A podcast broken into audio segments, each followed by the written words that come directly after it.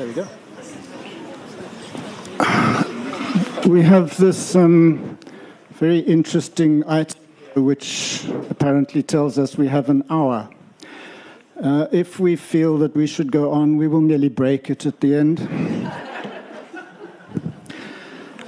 I, um, my name is Mike Nicol. I'm going to stand in front of them because I wouldn't want to spoil the look of the panel.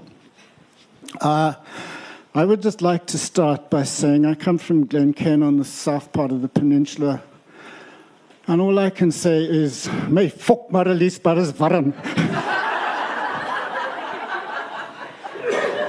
I, won't translate that for uh, so it's very rude. It's only understood in, in Stellenbosch, fortunately.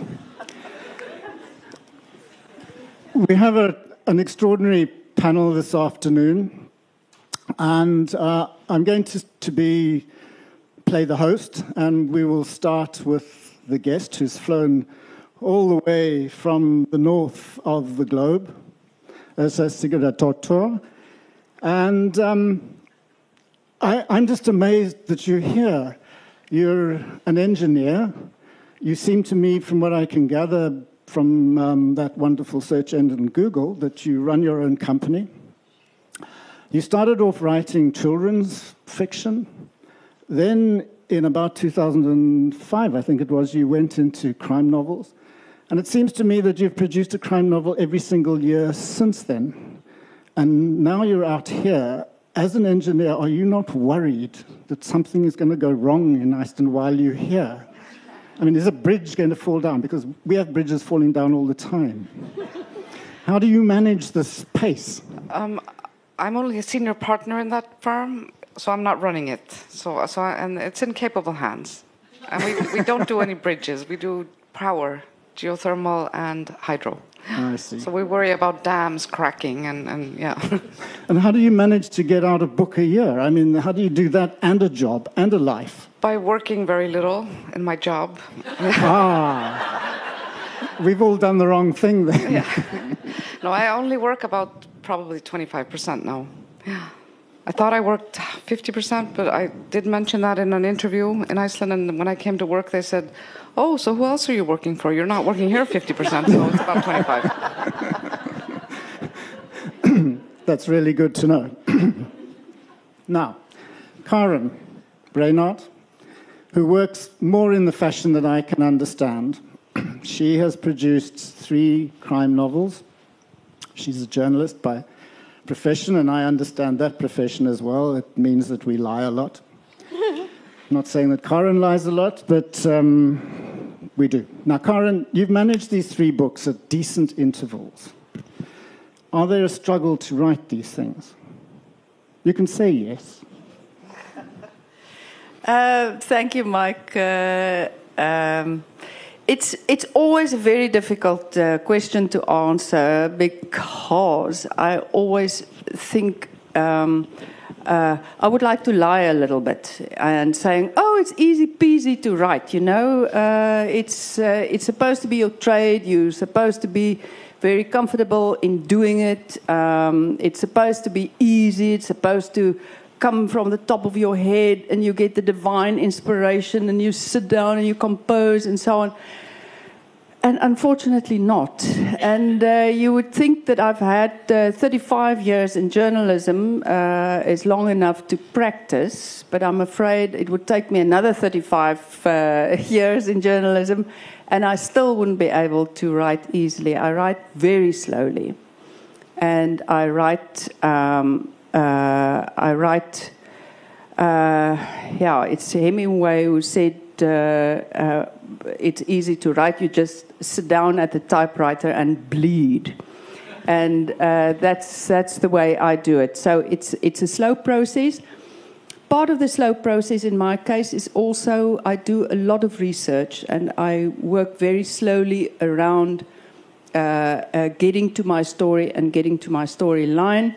And with my last book, um, uh, it was especially slow in the sense that I first wrote about 80,000 words and I chucked it all away and started all over again. So uh, that went, that didn't go very well. So I'm planning on not to do it to do it again. Going slow, I understand, because it means you can have a blood transfusion in between.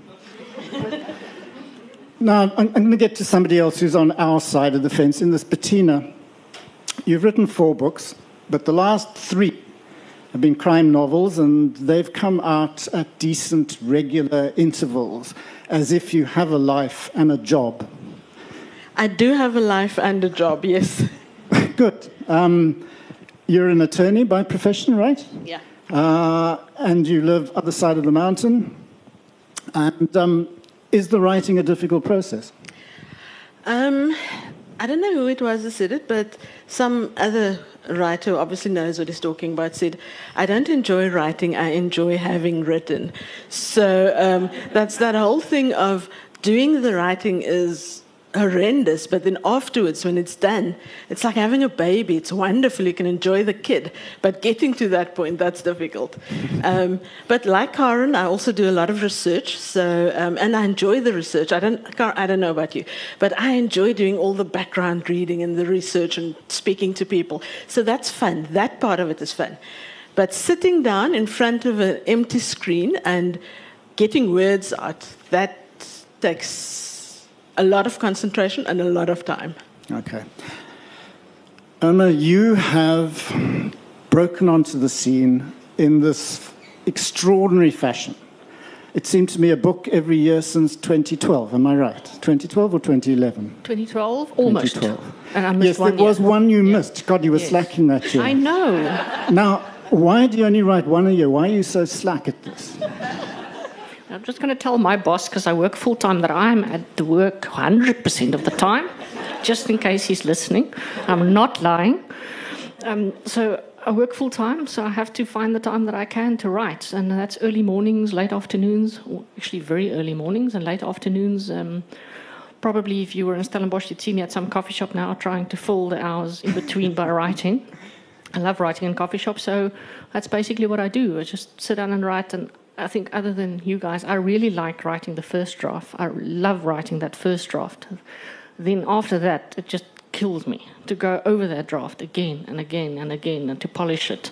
So I know that other writers probably, I think, maybe only do two or three drafts. I think in the way that I write because I have a full time job. I can't always go back to what I've written.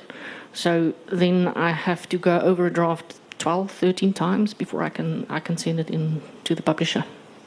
Good to hear. I'm pleased that you do so much hard work. Um, what I'd like now to briefly discuss the title of this group.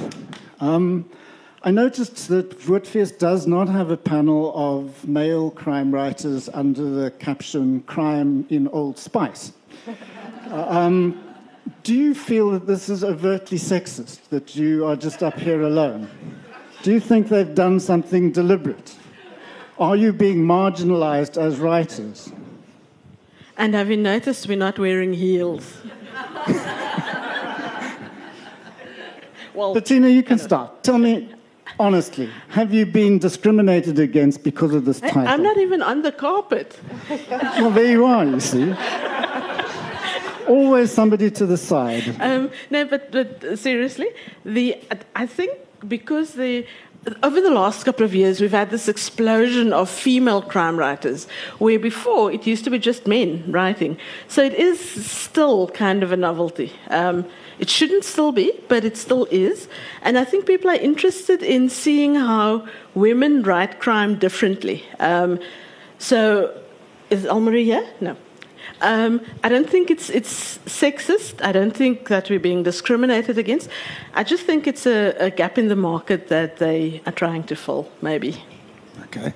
I would So- like to differ from that because I think we're, ahead. we're being terribly discriminated. That's what I thought. Yeah. Yes, we should What's ask so for more money. What's so extraordinary about uh, women writing crime? We invented crime. Okay. The first crime was done by a woman. In You mean the one that involved the fruit and stuff? And we didn't blame it on the snake either. I'm surprised you should have done, actually. Uh, so, on the international scene, are you subjected to female only panels?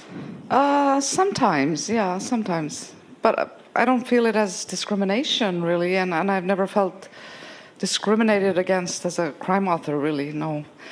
Uh, Iceland is a little bit, uh, well, it's the top country when it comes to gender uh, issues, meaning the rights of females and so on. The gen- global gender index, equality index, and it, it, measures sort of the gap between what it's like being a man and then, which is 100 points, and then what it's like being a woman. And we're the top country in the world, and we have 87 to the man's 100, which is a bit depressing. But uh, yeah, I mean, that's the best country in the world, so you can imagine the worst. But in every step of society, you kind of see that there's not a big difference between how men and women are treated except in banking and finance, where you have all men in the top positions, and in the arts, which is very, very strange. Because I thought being a civil engineer, having worked with men my whole life, that art was more um, forward thinking and so on, but it's very nice and very uh, geared towards what men are doing is better than what women are doing. And I've been lucky but uh, like in the top 10 lists of, of um, the main book season in Iceland, it's I'm always there, number one or number two. But the other woman on that list will probably be a woman that has written a cookbook. So it's and it's women buying the books as much as men, more than men. Yeah, yeah. We're discriminated against in every way in this country. That's why I take offense at this. You see, I just feel I have to do that. Irma, what do you feel about it? I always have a little bit of a gripe with men just in one one area. I don't think they really read South African women um, writers. I think that men, male readers tend to shy away from female crime writers, especially, and they only tend to go for the guys. And I've, I've seen that. I can stand in, in, a, in, a, bookshop, I can stand in exclusive books, and I can see if um, a woman is buying a book for a, for a, as a gift. I can see when they're buying. They have, for example, there was a woman with a son, and she asked, "Well, what crime would you like?" And he always goes for the, he goes for Mike Nicol. He goes for Deon Meyer. I can understand. He wouldn't even cons- no, no. But then you can see a woman there, and she'd pick up a Deon Meyer and a Mike Nicol as well, but also a Karin Brynard and a Bettina. She'd also, they, women tend to read much, much wider. But men tend to focus on just buying the male um, writers, and I have a little bit of a problem with that. Um, and also, I also think there's probably not a problem with us being all female here because I think we also kind of reflect the um, attendance in terms of these uh, the Writers' Festival. I think it's mostly women, largely women coming coming to to um, shows like these. It is. I mean, you're quite right. It is mostly in the audience and it's mostly the book buyers. I mean, that is the fact of the matter. The interesting thing for me was that reading your books and then thinking about the content and the way it was presented and all the rest of it, I thought to myself, there is no, there's no objective way in which I can tell the gender of the person that has written it. Would you agree? Do you, do you feel the same way that, that actually, when you compare these books by male writers compared to female writers, there is no difference? Ursula? I, I think uh, it's, it's probably difficult to tell, uh, depending on the writer, of course. If there would be anything that would maybe you could identify more with a male writer, it would be more action scenes, and the female characters would probably be weaker than they would be written by a woman, I would think. Okay. But Bettina writes particularly good action scenes. And in fact, I'm thinking of getting you to write some of mine, if you would. So, sorry, repeat I'm that? thinking you should write some of mine. yeah, yours is very different to mine. um, but yeah, uh, the coming back to your uh, point, I enjoy writing action scenes. Um, it's very you're right. It probably is very different to the way that most women write. Um, but there are also lots of male writers who don't have lots of action scenes, or South African male writers maybe don't have. You don't have a lot of action scenes. No, I can't do them. I know. You stay away from that sort of stuff. It's like sex. I stay away from that too. Yeah, I do too. um, but but so, so, it's very interesting. Um, and I agree with you. I don't think there's any real way in which um, you can differentiate between male and female writers in terms of what they write about, except maybe that the um, the victims in the male um, writers' novels might, the, or the crimes might be more graphic than in most female writers. I don't know. I think so. We'll get to that point. Karin, you. Um, I think in, in terms of domestic noir or the the the the uh, a sort of an emerging type of, of noir crime, girl on the train, that type of of uh, uh, gone girl and so on. I think there uh, there it's it's I think it's more easily a female territory uh, in the sense that it's uh, it's the type of crime that I think female writers might understand a little bit more, because it's more emotional crime and it has more to do with the dark recesses of the mind and. Uh, Quite often, the disorganized mind, the uh, slightly off kilter mind, uh, the lead character that's not really trustworthy and so on is very far removed from the conventional crime. And I think it's an area, maybe, that female writers might be a little bit more at home at than, than conventional crime. Um, it's, like, it's like probing the mind of a, of a, of a young female teenager. Uh, I think male writers would find that very difficult. Whereas for any of us, it, it would be much easier. You know, the, the, the, the kind of, of character that you might get in a Gone Girl, the, un, the really un, unreliable type of character, and, and really deep, dark, emotional crime. Okay, point. Irma, you write books which you just fly, the pages just fly past. Lots of dialogue, there's lots of stuff happening, lots of people talking to one another.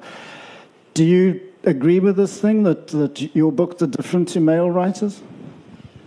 I don't think so. I think female writers can write about anything. I don't think action scenes is the, the sole ownership of male writers at all.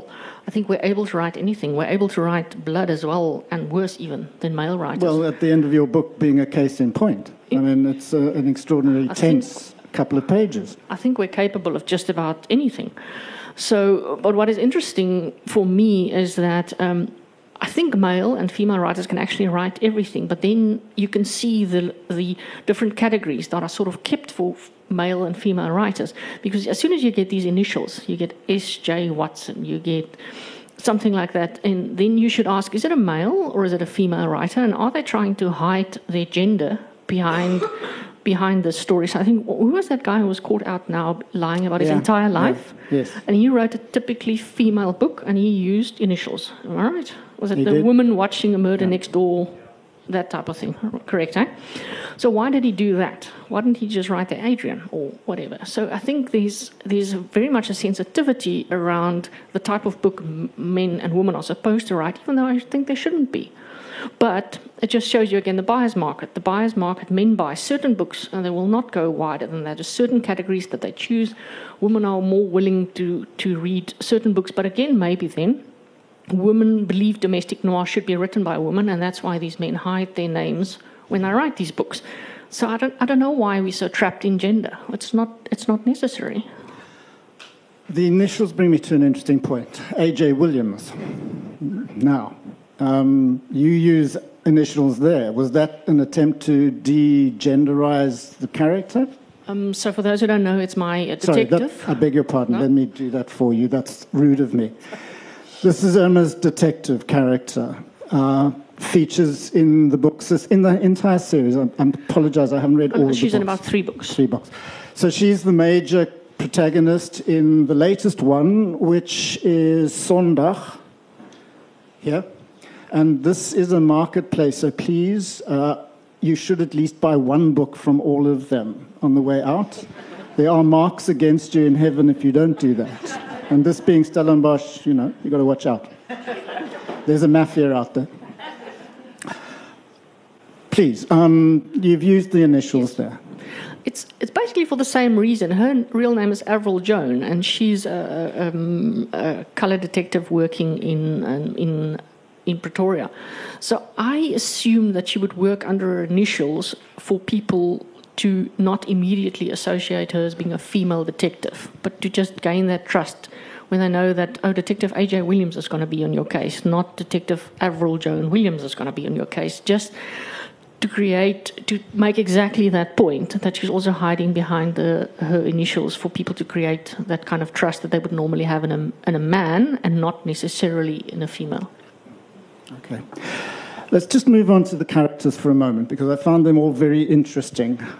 Uh, so you did one series with Thora, uh, the main character, but now in the new series you've got Freya, and then she has a male sidekick.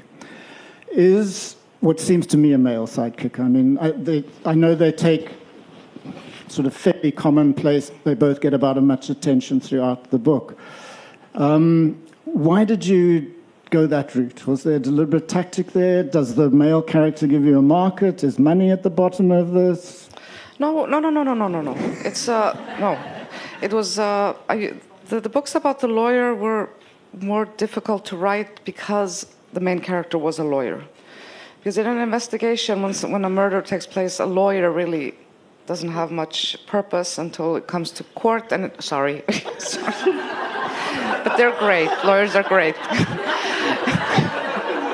My whole life summed up. Yeah. No, it's, it's only when it comes to court, and it, they were not court dramas. So I had the added complication of injecting the lawyer sort of into the investigation. But so, so I wanted to write about uh, the new series to have a police angle. And the fact is, in Iceland, only 14% of the police force are women. So I just thought it would be more realistic to have a male uh, policeman and then the female child psychologist who was helping the police and, and sort of rocking between the two. So that was a fairly deliberate decision then, just based on the statistics, the real statistics. Kind of, yes. It, yeah. it doesn't yeah. open other. And also, uh, well, I can, we can get to their relationship in a while because it's quite a torrid one. Yeah. So so it's uh, it was also just to have. I mean, life is made up of men and women, and and you know, as a writer, you want to write all types of characters, and and I just found it more interesting for me to write if if they were a man and a woman, and had this antagonistic uh, relationship, like you mentioned. That makes it more fun because I can put them through the ringer again and again and again. That's for sure. Irma, before I get back to you, Karin, you've done something with this. Uh, Beeslaar has been your main protagonist for two books. He's back in Tuisland, homeland. But we now have, outranking him really, Colonel Mentor. Um, why did you decide to bring her in? Were you bored with Beeslaar? No, no, no. I wasn't. Uh, I wasn't. I'm. I'm not planning to get rid of him and replace him and go all gender correct on him. And uh, um, he'll he'll he'll be there for a while and uh, do his job. Um, uh, I wanted. I wanted to. Uh, um, I wanted to bring in a, a, a strong and a stroppy female character. Um, uh, it's I find it uh, during my years as a journalist. Um, I spent most of my years in in political journalism, and uh, before that, uh, before I went full time into political journalism, I uh, did a lot of. Uh, uh, uh, army, police, and you know went through the ranks. So it was very much a male world that I found myself in. So I I feel very comfortable and very at home in the male world. I think I understand it, and of course, a male world is a very easy world. It's it's men are not so complicated. I think, and. Um, so, but it's interesting for me to bring a female into a story because a female has, and especially a female in a police force. When I do my research, I talk to a lot of females in the police force, and uh, they have um, a different, not so much uh, a different approach as a different sort of circumstances. And uh, I just find it very, very interesting to to uh, work with women uh, in crime work, and uh, so um, I didn't, you know, I didn't, I didn't set out to say uh, yes, I need a female uh, to counterbalance uh, a strong male, and I don't want to replace the male. Um, I'm a little bit in love with this male. I'm not going to let him go very easily, and so.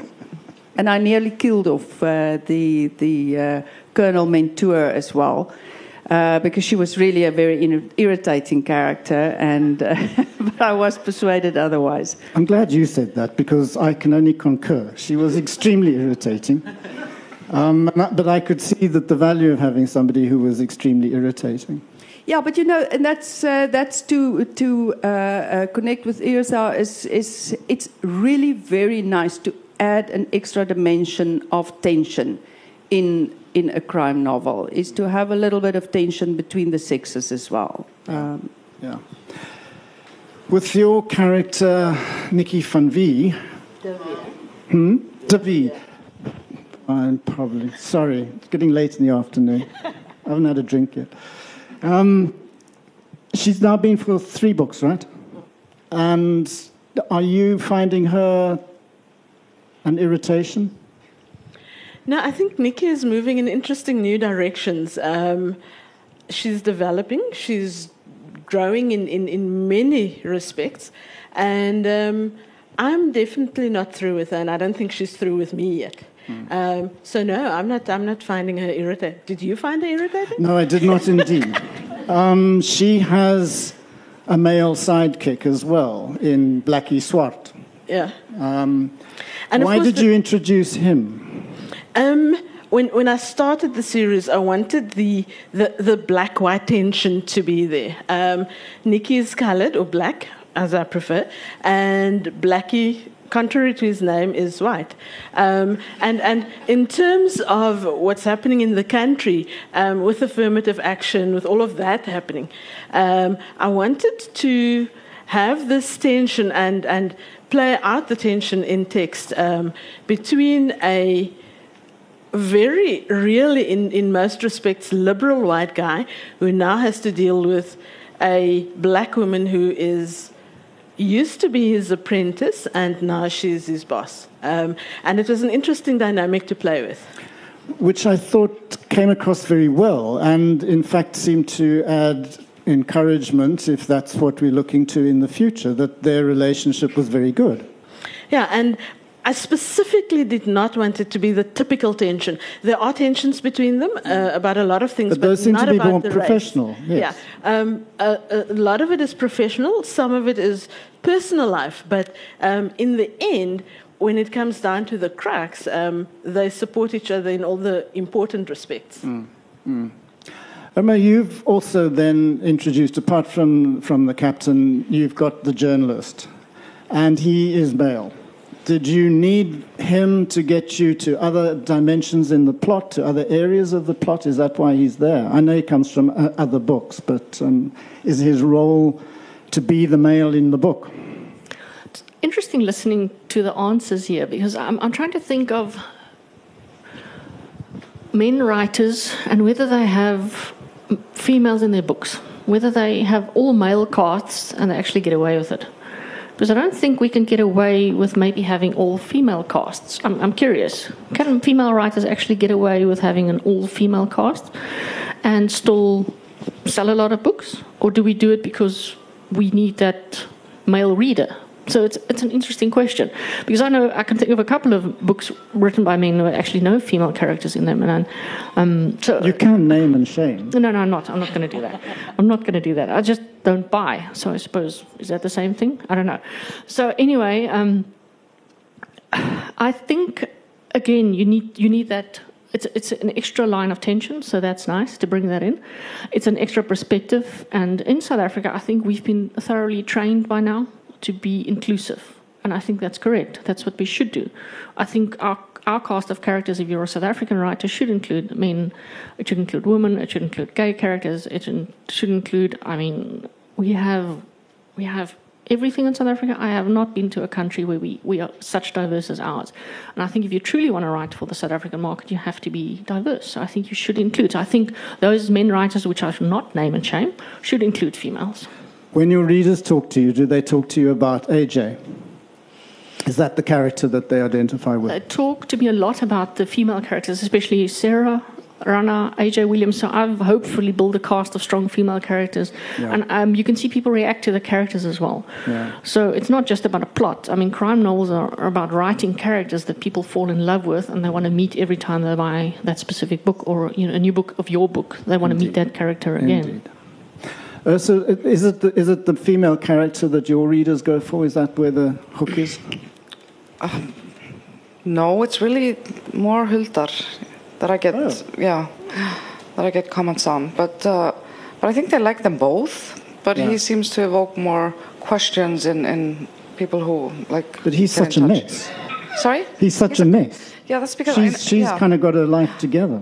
But in Iceland and Scandinavia, we like messy, messed up characters, and and it, all of our like literature is about depressed and horrible characters, and and if we think about even uh, comic books, like uh, we hate Mickey Mouse. No, no child in Iceland wants to read about Mickey Mouse because he's very perfect, and eh, but we love Donald Duck, who is a total, you know, not really a nice, nice character at all. So I, th- I think this is uh, this is also maybe why the crime novel has fit very well into Scandinavian literature, It's because we have this obsession with with both social injustice and then also these very very flawed characters. You've, you've given uh, quite a lot of tension between those two characters. I mean, he's trying to get his leg over her all the time and does on occasion, and it leads to terrible repercussions in his emotional makeup. Um, there is a sense that you're playing with the two of them. Now, I know you've written more books than we've read in English, so you know how that relationship goes on. But do they actually get it together? Or do you not want to answer that as No, a plot I'm, I'm giveaway? writing. I'm writing now the sixth book of that series, and if they get together, that is will be the last book. I am not going to write about them going to the grocery store to buy milk and heating coffee in the morning. Then I'll just move on to other things. Which, which actually sort of introduces another topic, but I just before we get to the topic about characters and, and all the rest of it, yesterday we had a panel discussion, and Jonathan Amid, are you here, Jonathan? You're there. He said to me, "You're not wearing black. All crime writers wear black." So I decided that in order to honor this, I would at least have a black shirt today. But I see that not only men apparently wear black, but we have female crime writers who also wear black. So the two of you who are not in black, would you like to go for a wardrobe change? Do you want to talk about my shoes? That's even worse. Yeah, I know, but that's your commie leanings. I know it's fine. um, the, the characters. Now, you're all involved in series.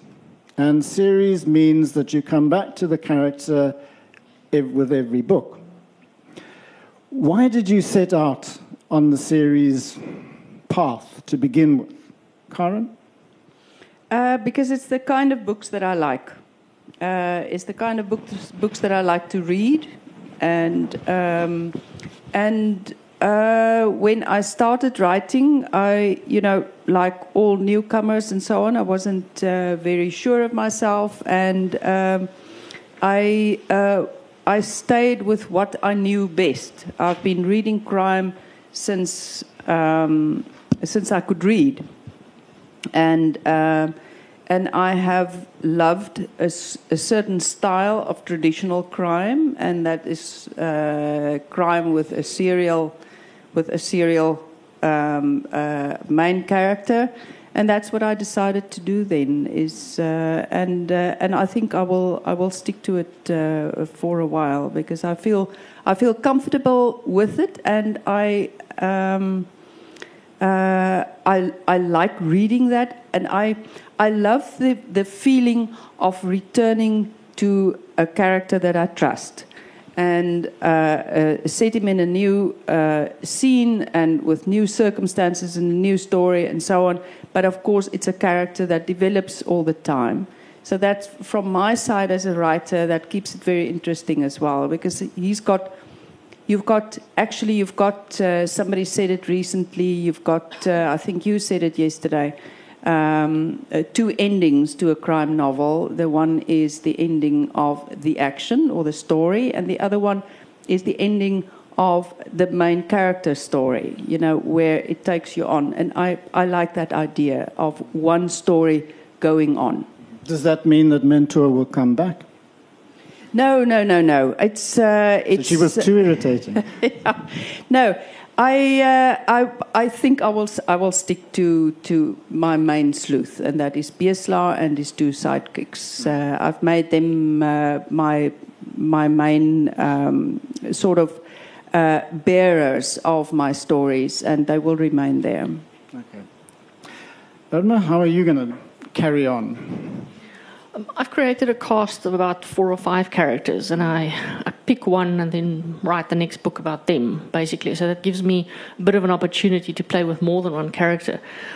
But I think the most important thing is sometimes I always I think you've got plot, you've got the way you write, and you've got characters. And I always think you can, as a writer, you can get away with two of the three. Just you know, the other one can be bearable, but you can get away with two of the three. I think character is very important because people latch onto that character, and that's somebody they come back again to go to visit, to go on a date with, to pick up. They, I mean, Deon Meyer's book says Benny Griesel, nog a Benny Griesel dossier. So it's it says exactly you're going to meet this character again.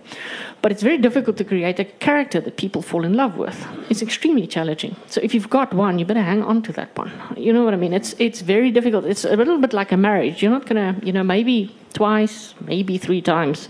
If you're damn lucky, you know what I mean? So it's extremely difficult to find a character, create a character that people love and that they go back to. It's not an easy job.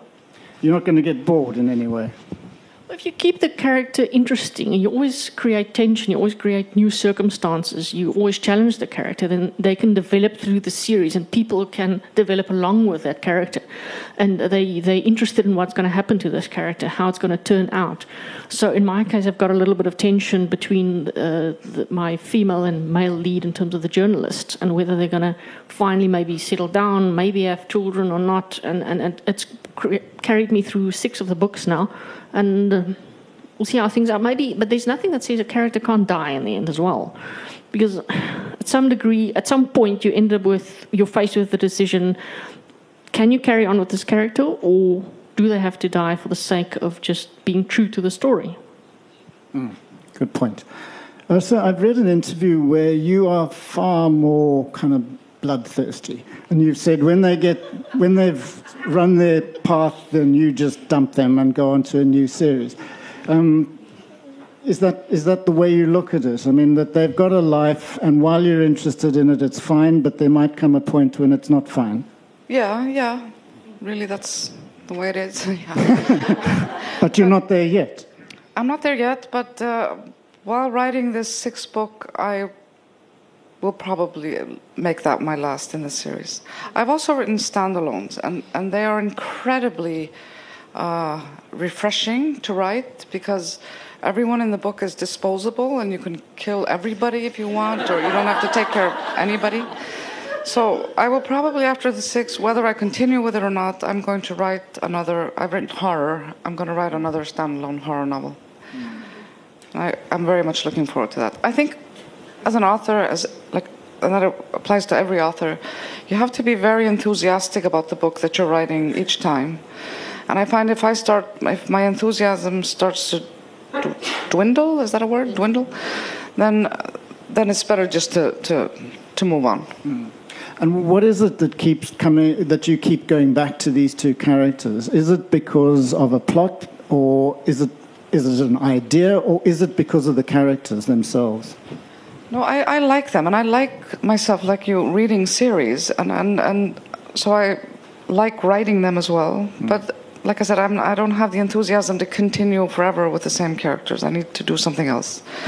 And there are two types of protagonists in crime novels, a very general uh, grouping. But one is the character that changes and evolves through the books with like an overarching story. And then there's the character that remains the same in every single book. One is not better than the other, it's just different. And as an example of this character that never changes would be the glaring examples would be Poirot, uh, Jack Reacher, and Bleak Child. And, and this is great. And you can write endless books, I think, if you're working with that type of character. But if you're working with a character that you're evolving and changing, there comes a point that you feel like I can't do any more for this character. I, this is it. Sayonara. Uh, yeah. Would you ever work with a character that was the same each book? There's no memory, there's no residual memory, there's no residual life, nothing. I don't think so, but uh, I've never even considered it. No, I don't think that would suit my my type of writing. No, I don't think so. Yeah. It's the thing about Jack Reacher which I really hate the most is that he's always the same. Yeah, but he does it really well. I mean, he does it really. Lee Child does this very well. Yeah, and that's the problem. Bettina? Bettina, how many more books are, is Nikki going to be in, do you think? Well, Ni- Nikki was never meant to be in more than one, and we're on to three now, so I'm not going to hazard any guess. Good, good Um, idea. Mhm. Um, but, but I am working on a next Nikki de Veer. I'm not willing to kill off my main character. I'm not quite as ruthless as you are in that respect. Um, but, but I think that it would be unrealistic to, to expect a character not to change, not to evolve, not to move on to other things.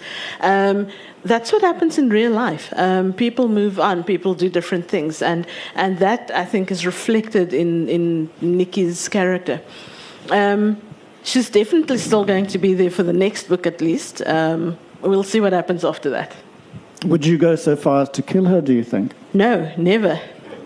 um, I have killed characters off, but I, I, I, it's well. I'm saying never, but never say never. Um, it's not in the plans for Nikki to die. No, she'll ride off into the sunset at some point. Just to get back to another point, is, is, is the character more important to you than the plot? I I'm just interested in this as a kind of thing for students, really, because I feel that characters carry more value than plots do. Um, I think it depends on what you're trying to do with the book. Um, each has its place. Um, the story is very important. Story is more important than plot, um, if you understand what I'm saying. And characters drive stories more than plots do. Um, so, in that respect, I suppose character is important, but the plot is also important. Um, otherwise, what they're going to do sit around and drink tea and do nothing.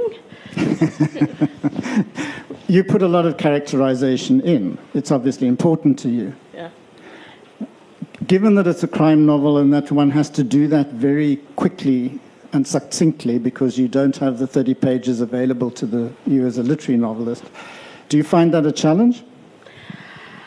It is a challenge, but a good one, um, because you need to do what, as you say, the, the other novelists would be able to do over a long period. You need to do quickly, and you need to do it in short paragraphs or sentences. Um, so it is a challenge, but I find that if you know where you're going with a character before you start, um, then it's easier. And um, I know for, for different writers it's different, but I, but I always start with the end in mind. I know how the book's going to end before I even start writing. And God, that you makes perverted. well, it makes it interesting because you can do all sorts of weird and wonderful things, but you know where it's going to end. wow. Karin? Would you go with that? Yeah, It's no. shocking. Yes, uh, it is. I find it really shocking, and um, and I'm really jealous. Um, when I start, I know more or less uh, where it's going to. Obviously, it's going towards the end, but uh, but Aren't I- we all?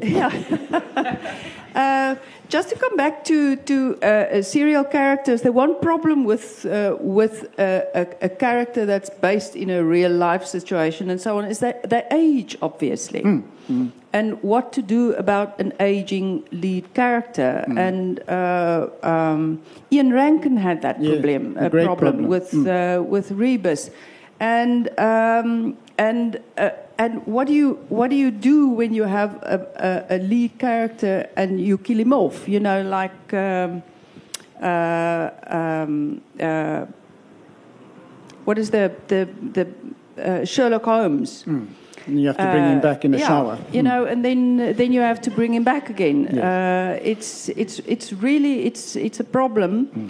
Uh, but I find for me, I will uh, young. Uh, my my main character Beeslaar is much younger than I am, so I will expire way before him. so, in my case, it's really not a problem. Irma, do you face this as well? Do you think? Between the first and the second books, I had a year pass, but then I read an interview with Lee Child, and he said he has a problem now because his character is getting way too old, and then I thought, oh, problem. So what I then did is the second, the third book is only like a few weeks after, and then there's a few months maybe. So I think in real life, I've got about I'm working on the seventh book now. There's about three years that expired. So, and I just thought I'm going to solve this problem right from the start. So I'll listen to the great ones and I'll bow down and I'll I'll I'll solve this problem. It's a plot or story or, or the characters. Now, the interesting thing to me is that your US publisher has the series under Children's House. House. Yeah. Right. Um, without having read the other the other books that you have written in the series, are they all about children? Is that the main? No, they aren't. There? They aren't. So yeah. So it's so what happens with a very that unfortunate subtitle? name. Yeah, it's because Freya is working in this establishment, yeah. but. Mm. Uh, but that name of that series, I don't know why they, they selected that name. It's not very descriptive of, of the mm. series, really. So, but they, they've, they've had strange things that they've wanted to do. They, they have Donald Trump. Yeah, but they, yeah, I can't beat that. But uh, they wanted to they wanted to publish me under just my first name, mm-hmm. which is fine. It's Iceland. We don't use last names anyway. And but when the way they introduced it to me was, so you can be Yrsa, and you would be like Cher of the book world. ah, you lost me there. so, yeah, so, so it's, uh, and it's f- funny how different the, the, UK market and the, the US market uh, act different. and what different things are yeah. used to promote a book and so on. Yeah. And, and in other countries as well. Yeah. Okay. One of the things I realized that in the age before clocks, it was actually very difficult to measure time in hourglass. So I have at this point absolutely no idea how much time is left. 10 to 3. Okay. Thank you. One of the topics that I want to get into as well, sorry, if you have any questions, please just shout because I'm being very rude and taking up all the time, but you know, you're free to ask questions if I allow. Um, I, one of the topics is violence. Now, all crime writers f- face this topic of violence and how to present it and all the rest of it. it. There was an article in The Guardian just recently about Netflix and the series that they're putting out and how there are lots of dead women in the series. And in fact, there was a quote from some essayist in the US saying crime stories are ubiquitous in our culture, not only for their transgressive lure, but for their power to reinforce social order in this case, that women are most comprehensible as victims in danger from a man. Yrsa, you begin the legacy with a particularly brutal scene. Yep. Now, I, was, I found that difficult to read because I'm a very sensitive male. Are you asking me if I found it difficult to write? Yes. No, not at all, no.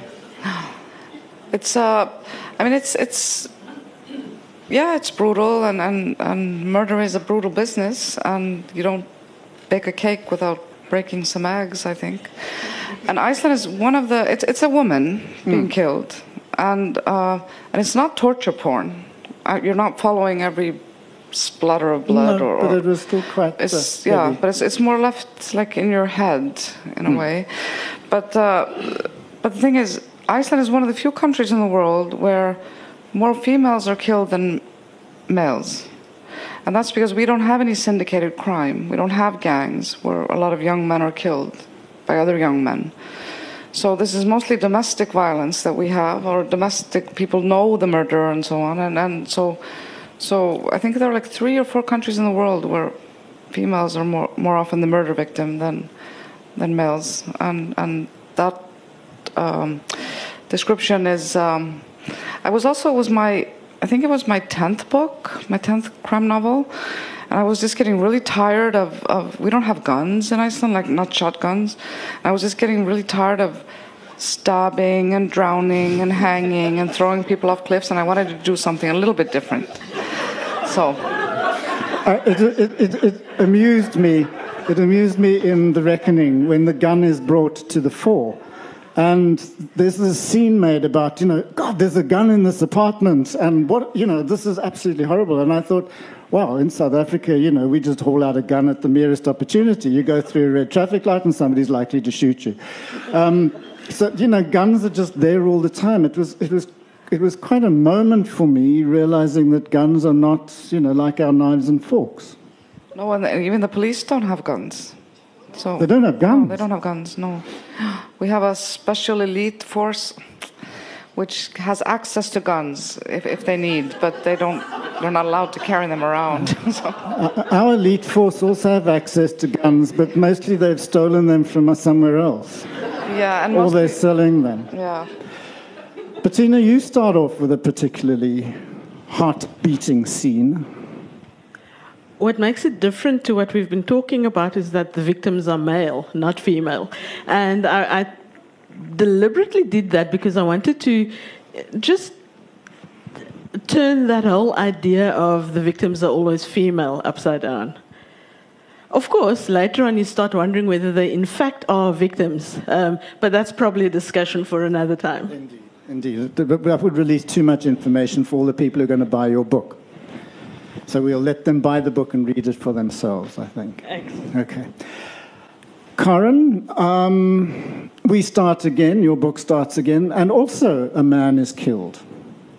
Yeah. Yes. A decision, uh, that? No, it's not a decision. No, uh, I never, I never do things like that. I'm, I'm very, I'm very bla- bad on planning.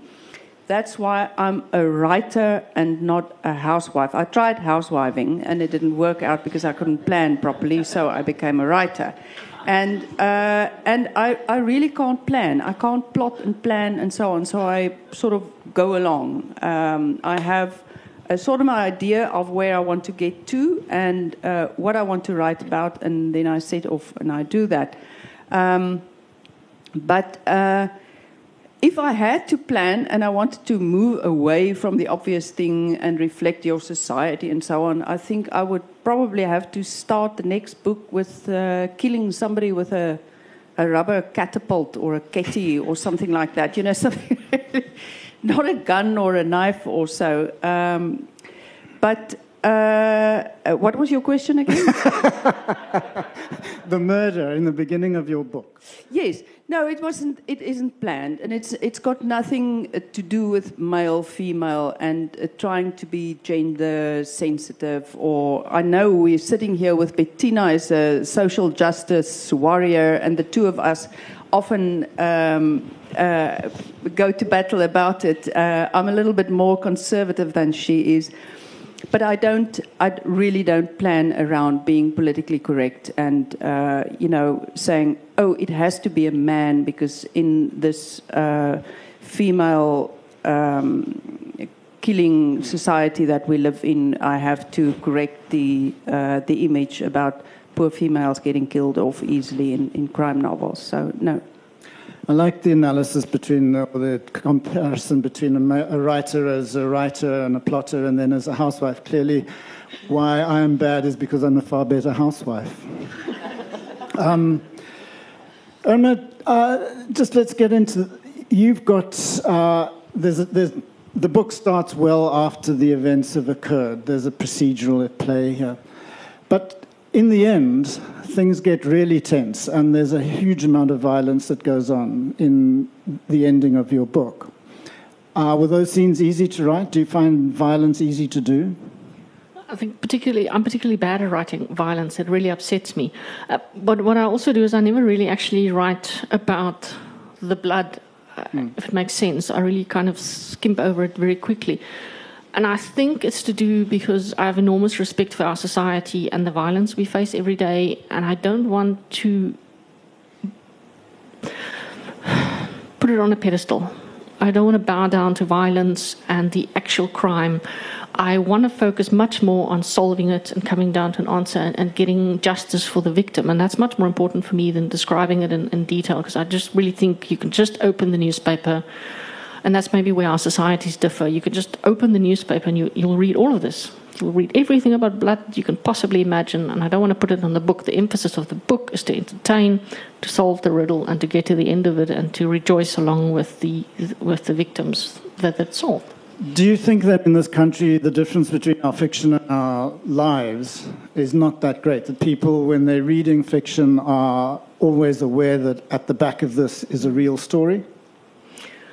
I think so, but I think we have a strong focus on delivering justice within our writing to solve that murder. Because if you think of our, of our solving rate of crimes in South Africa, it's really low.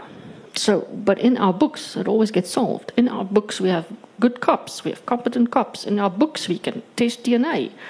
And we don't wait months and months and months. And this is reality. In our books, we wear the little overalls when we go to crime scenes. So we don't stomp through it and you know what I mean. So, mm. so I think there's a vast difference between what we write sometimes, and, and it reflects the best of the police force, but not necessarily the general conditions yeah. of the police force. We're not being utopian in this. may, may I add something? Um, uh, uh, for me, it's very important to always remember as a writer that uh, crime is crime writing is uh, or reading crime is an entertainment. I mean, you, sus you suspend a lot of belief when you pick up a crime novel. It, you know, you, you, you're not really dealing with reality, and you're not you don't have to uh, reflect society and you don't have to be sensitive about uh, societal issues and so on. You just you you write an entertainment. I want when I pick up a, a, crime novel, I want to forget about the world and I and I lose myself in the crime and and the riddle and the characters and the story and uh, and and the suspense of it. And it doesn't matter really. Uh, and uh, getting back to the violence, when I get feedback on my books, it's it's more often about the swearing and never about the violence. I always thought you had a dirty in the tongue. Yrsa, um, you, are in a country where there's very little crime, and yet the Scandi noir, you know, has just taken over the world with all this crime and, and so on. Are you ever aware that there's this disparity between the fiction and the reality? Oh yeah, every day. I mean, I cannot, uh, and it's like you say. Maybe that's the difference that there is no spectacular crime in Iceland. I can give you an example. We had the first case of uh, blackmail, uh, and it was very easy to prove because the blackmailers gave the guy they were blackmailing a receipt for the money. so this is, yeah, so this is Icelandic crime. And and although we have had we have had some murders that are pretty grisly, most of it is. Um, solved when the police arrive on the scene because the murderer is standing over the, the murder, the, the dead body knife in hand, having argued drunk at a party. So, so it's not, uh, you can't really seek um, uh, like ideas from, from, from the real criminals because Icelandic criminals are just a stupid bunch. And, and thankfully, it's very nice for, for you if you live there. But uh, but there are times when, when I, and I've, for example, The Reckoning is based on, no, it's not based on, it's inspired by an actual case of, of the system completely letting down a little girl. And I took that and I injected it with steroids and made it even worse. And, and I was so angry when I was writing it because it had, you know, like a real case behind it, even though it's not about that precise case. That that book is yeah, a little bit violent. Yeah. Ladies and gentlemen, there is that much time left. Um, any questions, please? Jonathan. Couple, Mike, no, no, you can have one. one. I'll, I'll, spread this into two parts. The first one is for Irma. Uh, six books with an S title now. Are you continuing in that vein? Now there's a reader for you, eh? Looks at the title and the num- and the letters. Hi, Jonathan. Um, yes, the seventh book. It's uh, it's called 47. Not seven No, no, no, no, no, no, no. Much better than Seven Delon, Come on. Uh, we have a bit of an argument about how we should write it, but I think the pub- publisher will win. They always win. The writing it out. Um, so that will be called that. Um, after that, I don't know. So we'll have to see what happens. And then for Kwana and Bettina as well, the, the obsession almost with one word titles in Afrikaans crime fiction. Why, why, why do they work? Why do you, why do you like them? Uh, with me, it uh, it it it was it is not something that I plan. Once again, it was uh, just something. It uh, it is a it's one word that that uh, grabs a lot of of of. Of the contents of the story that I wanted to tell, and then it's one word that you can interpret in different ways. And uh, and my second novel was two words. Um, sorry, if I could just. It's punchy. It's, it's one word because it's punchy. And also, you write action, you write short. You don't want a long title and then it's this huge action happening, and then the title doesn't gel with the, with the content. Also, not quite. Not quite, no. Anybody else? Oh, yes, very much. Yes. I think so. She did a lot of research, and there's a lot of papers uh, from that that case available at the at the National Archives. And she actually, so she, Hannah Kent wrote this book about the an execution that took place in Iceland, I think in 1700 something. And and she she actually learned Icelandic to be able to to do this uh, research. So, so that book is absolutely great. Yeah. All right, we, we have run out of sand, but please, sir, one more. Any hints on what we can do to get the translators to translate your books faster?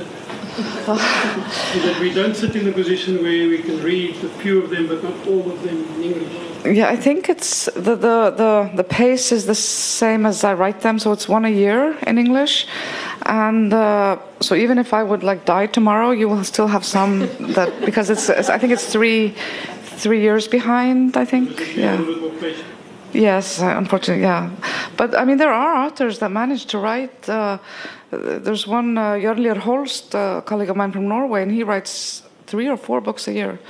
But one of them, some of them are for children, but uh, but people, do, and they're good. They're not, uh, and it's not like uh, Patterson. He's not paying somebody to write them for him. So, and that's that to me is amazing. Uh, thank you very much. Thank you to the panel. It was a pleasure being able to be your lion tamer.